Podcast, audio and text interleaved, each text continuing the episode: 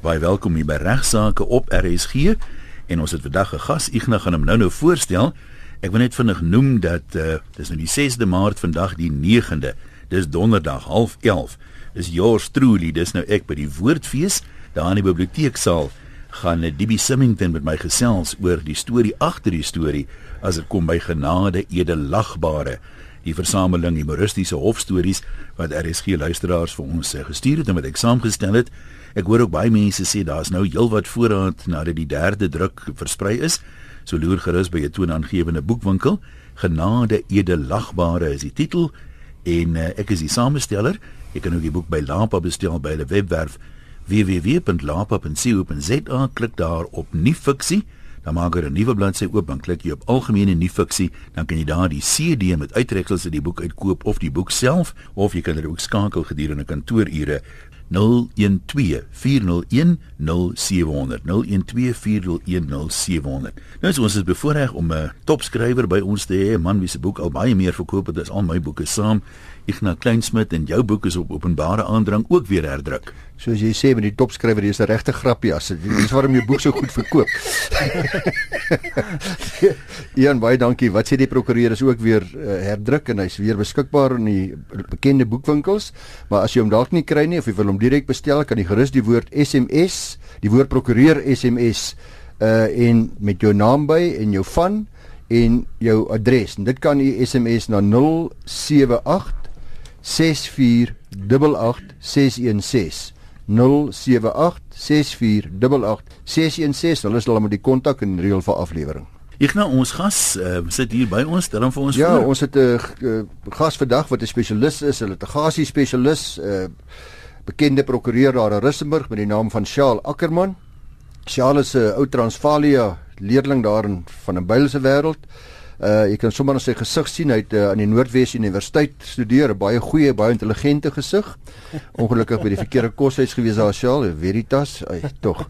Maar hy het sy ja, LLB wat, wat jy nou sê, hy en waarheid gaan nie saam nie.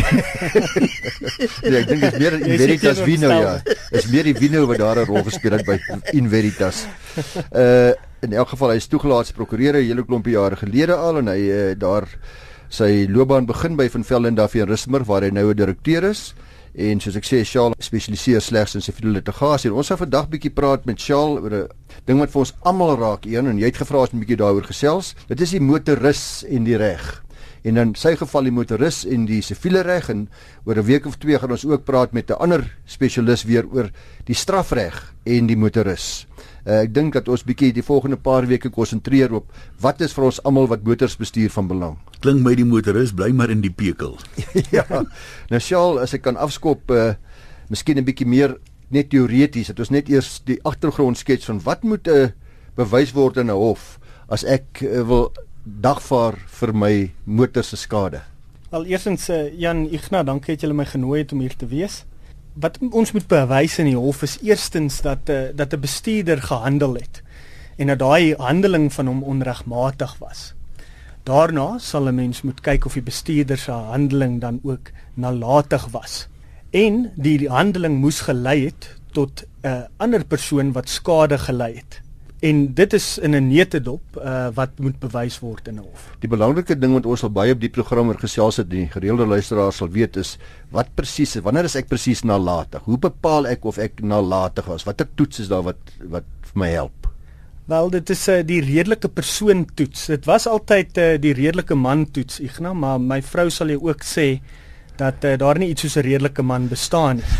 So uh, hulle het dit destyds verander na die redelike persoon toets. Toe ek gestudeer het, het ons altyd gesê, die ding dat as jy nou so 'n mooi meisie op die sypaadjie verbystap en jy kyk vir haar jy ry in die kar voor jou vas, volgens die redelike man toets jy nie skuldig wees nie, want die redelike man sou ook gekyk het. en dis juist hoekom ons hom verander het. So die toets van 'n uh, redelike persoon kom daarop neer dat die hof sal kyk hoe 'n tipiese normale persoon homself sou gedra het in omstandighede. Dit is dis 'n bestuurder wat nie verskriklik talentvol is nie en dis weer eens hoe my vrou my sou beskryf en ook nie 'n roekelose bestuurder nie. So die gewone ou, die man op straat is die bestuurder wat ook dalk nie perfek is altyd nie. Nee, hy is nie perfek nie. Uh prakties gesproke, nou is ek in 'n ongeluk. En dis die belangrike ding vir ons luisteraars om nou baie mooi te luister. Ek is in 'n ongeluk en ek is nie verseker nie of selfs al is ek verseker. Maar ek kry vir al die mense wat nie verseker is nie, jammer want die versekerings het mense darem 'n mate van gerusstelling daarna. Maar wat moet ek nou doen? Ek het dit ongeluk gemaak en ek is nou verward en ek is geskok en ek is uh om baie ongelukkig. Uh wat moet ek doen? Wat is jou advies aan, aan mense in daai omstandighede? Wel wanneer jy 'n prokureur gaan sien, moet jy ook altyd seker maak dat jy alles nodig het wat jy dink die prokureur gaan nodig hê om 'n eis in te stel. Ehm um, so is baie belangrik om nou te luister wat om te vat sodat jy nie onnodige geld spandeer aan daai eerste konsultasie nie.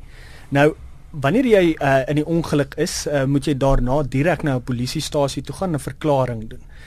Uh, my advies sou wees om daai verklaring baie goed en um, sorgvuldig in te vul want die skets as ook jou verklaring word later gebruik in die hof.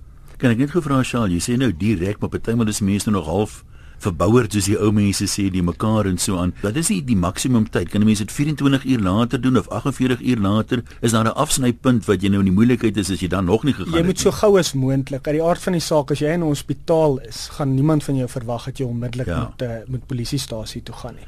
Maar wanneer jy by jou volle bewuste is en weer kan kan uit die hospitaal uitkom, moet jy voortgaan om polisiestasie. Sal jy nou gepraat van 'n skets en ek neem aan dis nou 'n skets van die ongelukstoneel. Presies waar die voertuie gestaan het waar die merke is ensovoorts ja. en natuurlik ook die besonderhede van die ander van die ander bestuurders nê. Nee, ja, kyk jy moet uh, wanneer indien jy in staat is daartoe, uh, moet jy of as jou geliefdes op die toneel kom, moet hulle foto's neem van die skade aan jou voertuig, enige merke op die pad. Ehm um, fotos van die ander voertuig uh vir al hulle registrasienommer. Partykeer uh is die ander bestuurder skoonveld, maar 'n mens kan hulle maklik spoor as jy net die registrasienommer het om uh om dagvaarding later op hulle te beteken. Ja, maar ekskuus my dit te val, maar baie eenvoudige ding byvoorbeeld. As dit word gereeld beweer as iemand in 'n ongeluk was dat daardie persoon se band gebars het.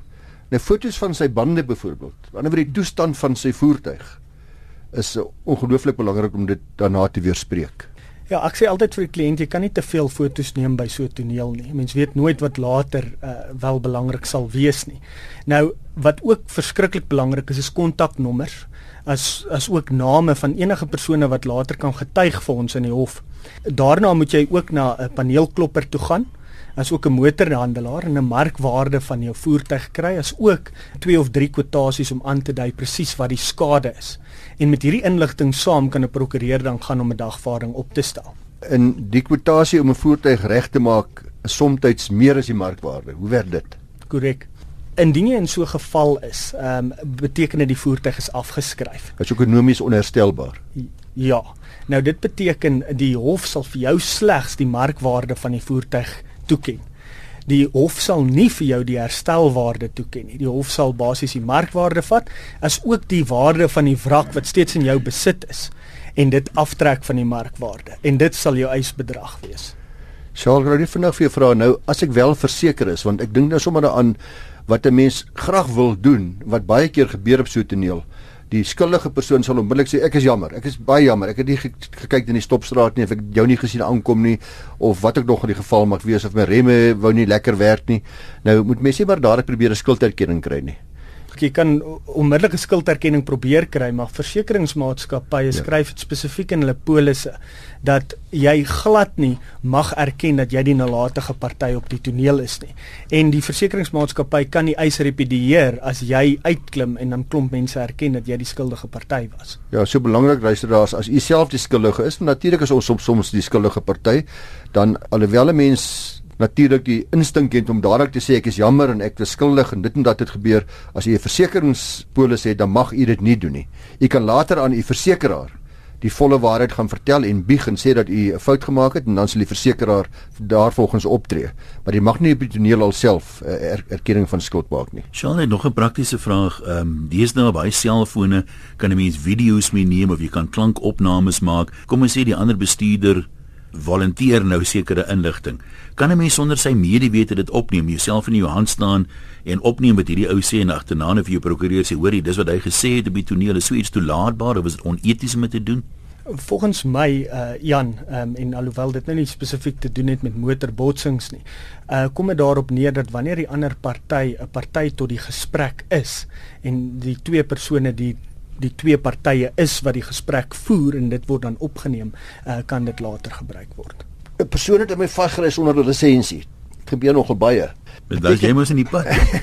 beteken dit dat beteken dit nou outomaties dat hy nou uh, dat hy skuldig is, dat hy nalatig is? Het hom dit die lisensie het nie.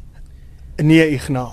Volgens die nasionale padverkeerswet sal jy definitief oortree as jy sonder lisensie ehm um, ry, maar 'n hof kyk nie noodwendig uh, daarna of in so 'n geval dat jy nalatig was as jy nie 'n lisensie het. Die hof kyk na en ek gaan hierdie baie sê na die omstandighede van die ongeluk. Daar kan dus um, iemand wees wat by 'n stopstraat gestop het, um, mooi gekyk het daar niemand kom en toe oorgery het en daai persoon het nie 'n lisensie gehad nie.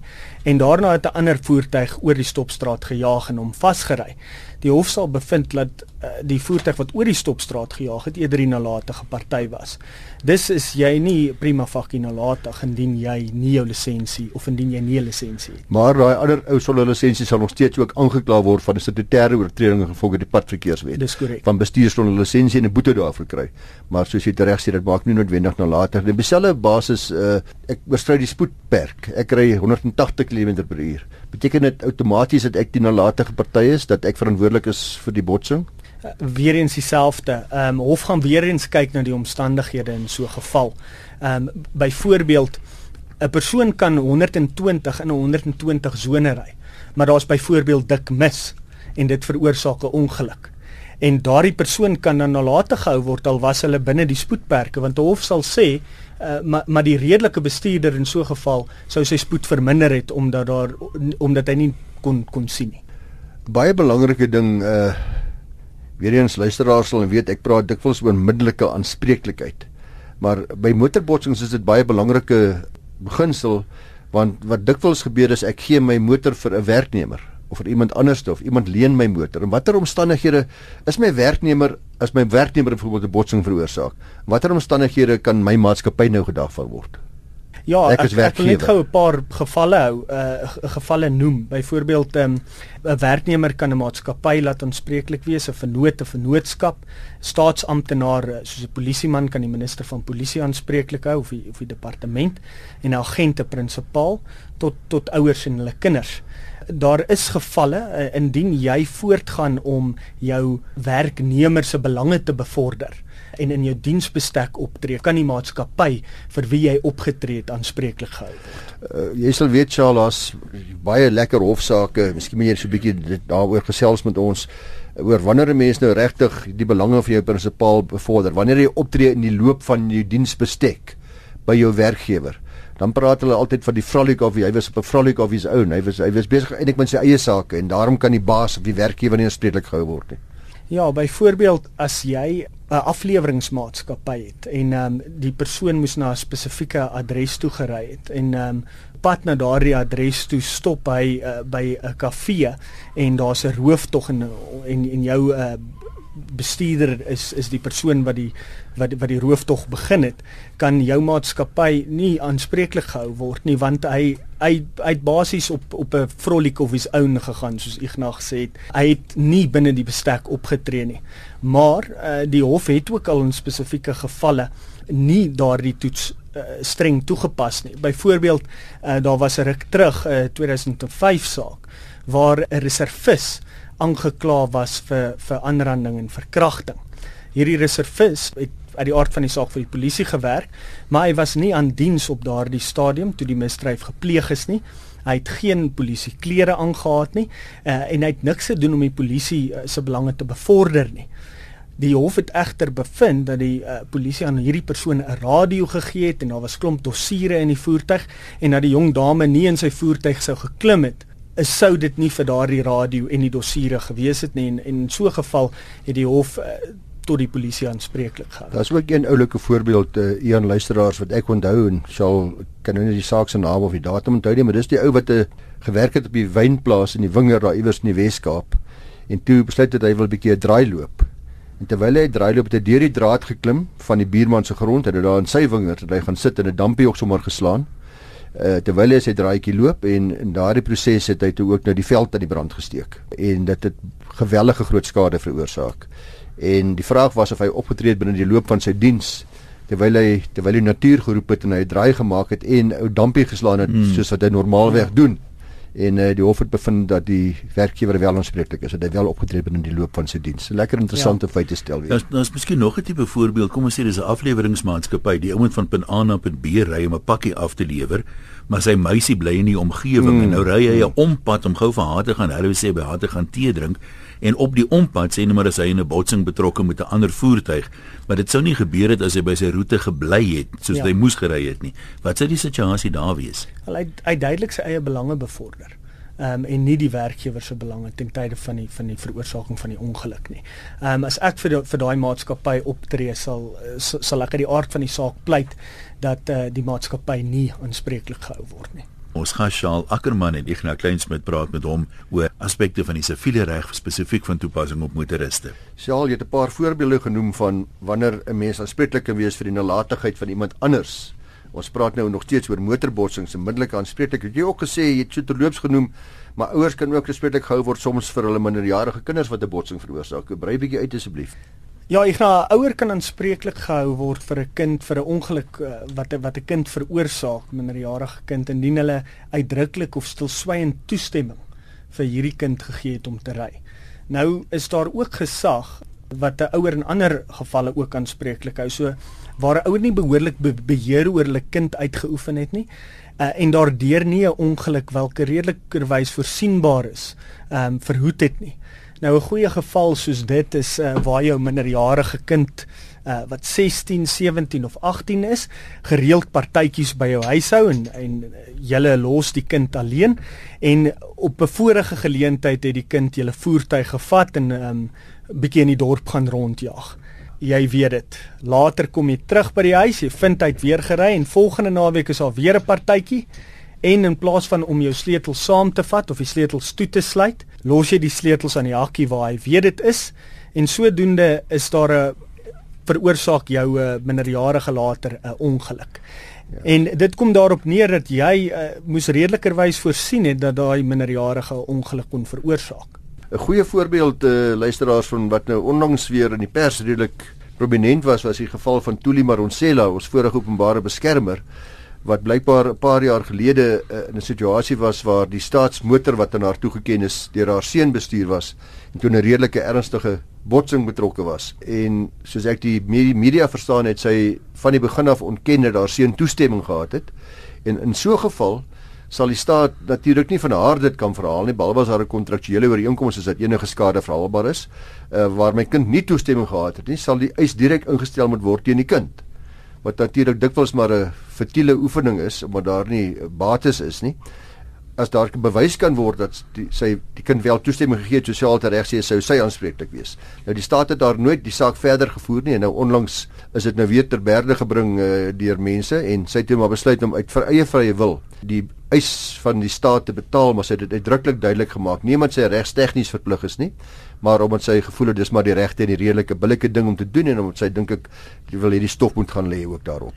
Ek onthou destyds het sy of sy aangehaal dat sy gesê het die reg en ons praat oor van die strafreg moet sy loop neem soos die kind moet aangekla word van nalatige bestuur of wat ook al die geval was dan moet dit so wees sy gaan nie sy gaan nie in die pad staan en ek kan nie onthou dat ek ooit gelees het of daar 'n strafregsaak was na aanleiding van die voorval nie. Ek het geen idee nie, ek weet gelyk nie, jy weet so. Geen idee nie. Nee.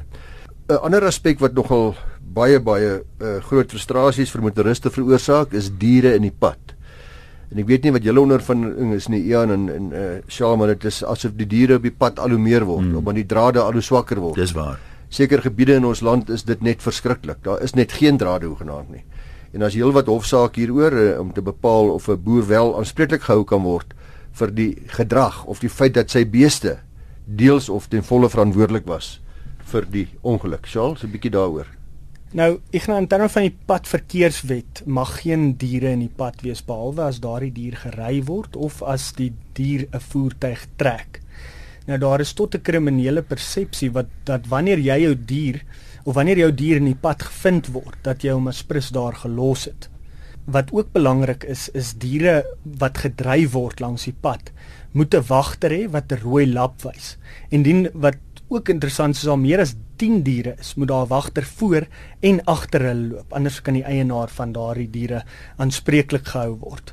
So boere moet toesig hou oor hulle oor hulle diere. Ek, ek gaan verwys na 'n saak uh Corriges en 'n uh, Carnarvon munisipaliteit se 64 saak. In daardie saak is is 'n boer aanspreeklik gevind waar sy uh, drade nie behoorlik onderhou is nie. En uit die aard van die saak gaan dit weer hier gaan oor omstandighede as 'n boer se drade die vorige aand geknip is en hy het geen idee, jy weet, dat sy diere uitloop nie, sal 'n hof hom heel moontlik nie aanspreeklik hou nie.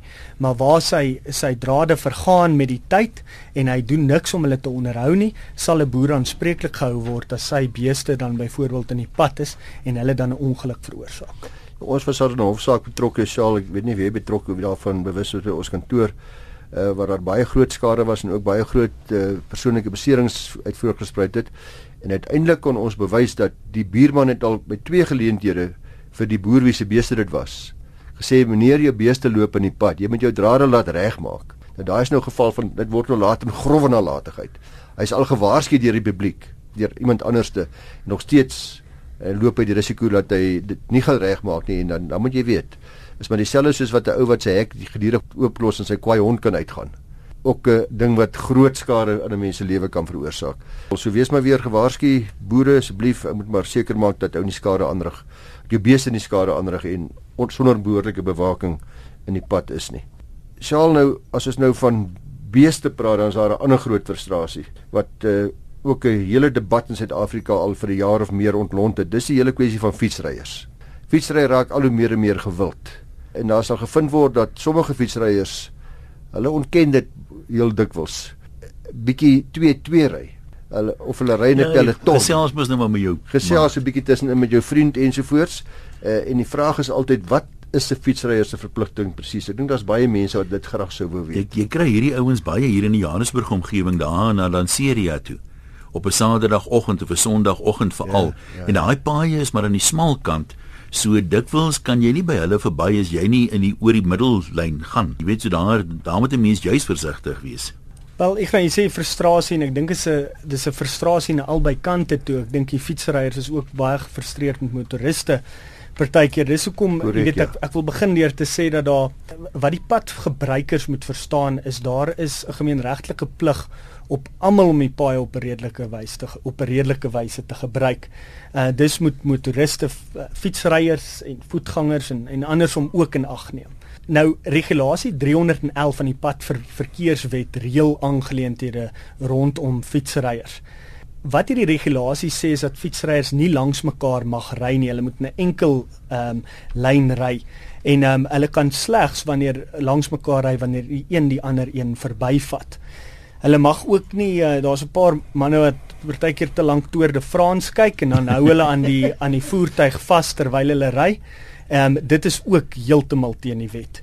Wat ons op skool gedoen het is ook om op die handvatsels van die ander ander fietsse te sit veral op afdraandes en dit is ook glad nie toelaatbaar nie. Ehm um, die fietsryer het ook 'n gemeenregtelike plig om uit te kyk. 'n uh, behoorlike uitkyk te hou en dis dis kan hy nie net sy kop afsit en ry en dit dit net laat tot die motoriste om vir hom te kyk nie. Uh, hy in terme van gemeenereg moet hy 'n behoorlike uitkyk hou. Uh, mag fietsryers net op sekere paaie ry. Ek het al iewers gehoor dat 'n uh, fietsryer nie op 'n nasionale pad of sekere paaie wat gedefinieer is mag bestuur nie. Ek het geen Sê die regulasie iets daaroor? Nee, die regulasie 311. Is daar nie soms 'n minimum spoed op 'n snelweg nie? Jy sien soms 'n bordjie minimum spoed. Ek het ja. altyd gedink die idee daarmee is juis om by applikasie te sê fietsryers of ouens op trekkers wat baie stadig ry of so mag jy daar ry nie. Ek weet glad nie maar is my belangrik dat hierdie regulasie spesifiek sê dat fietsryers moet in 'n enkel ry ry. Uh, en dis iets wat baie dikwels oortree word en dis deel van die onredelike gebruik van 'n pad deur 'n fietsryer dan. So uh en, die, en ek weet van geen geval dat daar al ooit iemand aangekla is vir dit doen nie. Ek sou baie verbaas wees as weet jy van 'n geval sal dink jy dit word toegepas nie. Wat jammer is. Maar sosiaal sê luisteraars ons moet uh, mekaar respekteer. Ons moet mekaar se regte erken en as ons albei daarvan bewus is sal die fietsryer weet die pad is nie net vir hom daar nie en die motoris ook. Die pad is net vir jou daar nie. Ek nou ons tyd het min of meer uitgeloop vir die program. Ek weet nie ten slotte of jy die kontak besonderhede wil gee nie of ons dalk by 'n volgende geleentheid weer met Shaal gaan praat nie. Nee, Shell dalk sê sonder die reologie sal dit gawe wees en ek sê as jy wil 'n volgende keer inkom sal dit ook gawe wees. Wel my uh, e-posadres is shaal.co.za. @ffd.co.za. Ja, dis ons storie vir vandag. Ignas baie dankie en onthou dat regsaake word moontlik gemaak deur die Prokureursorde van Suid-Afrika.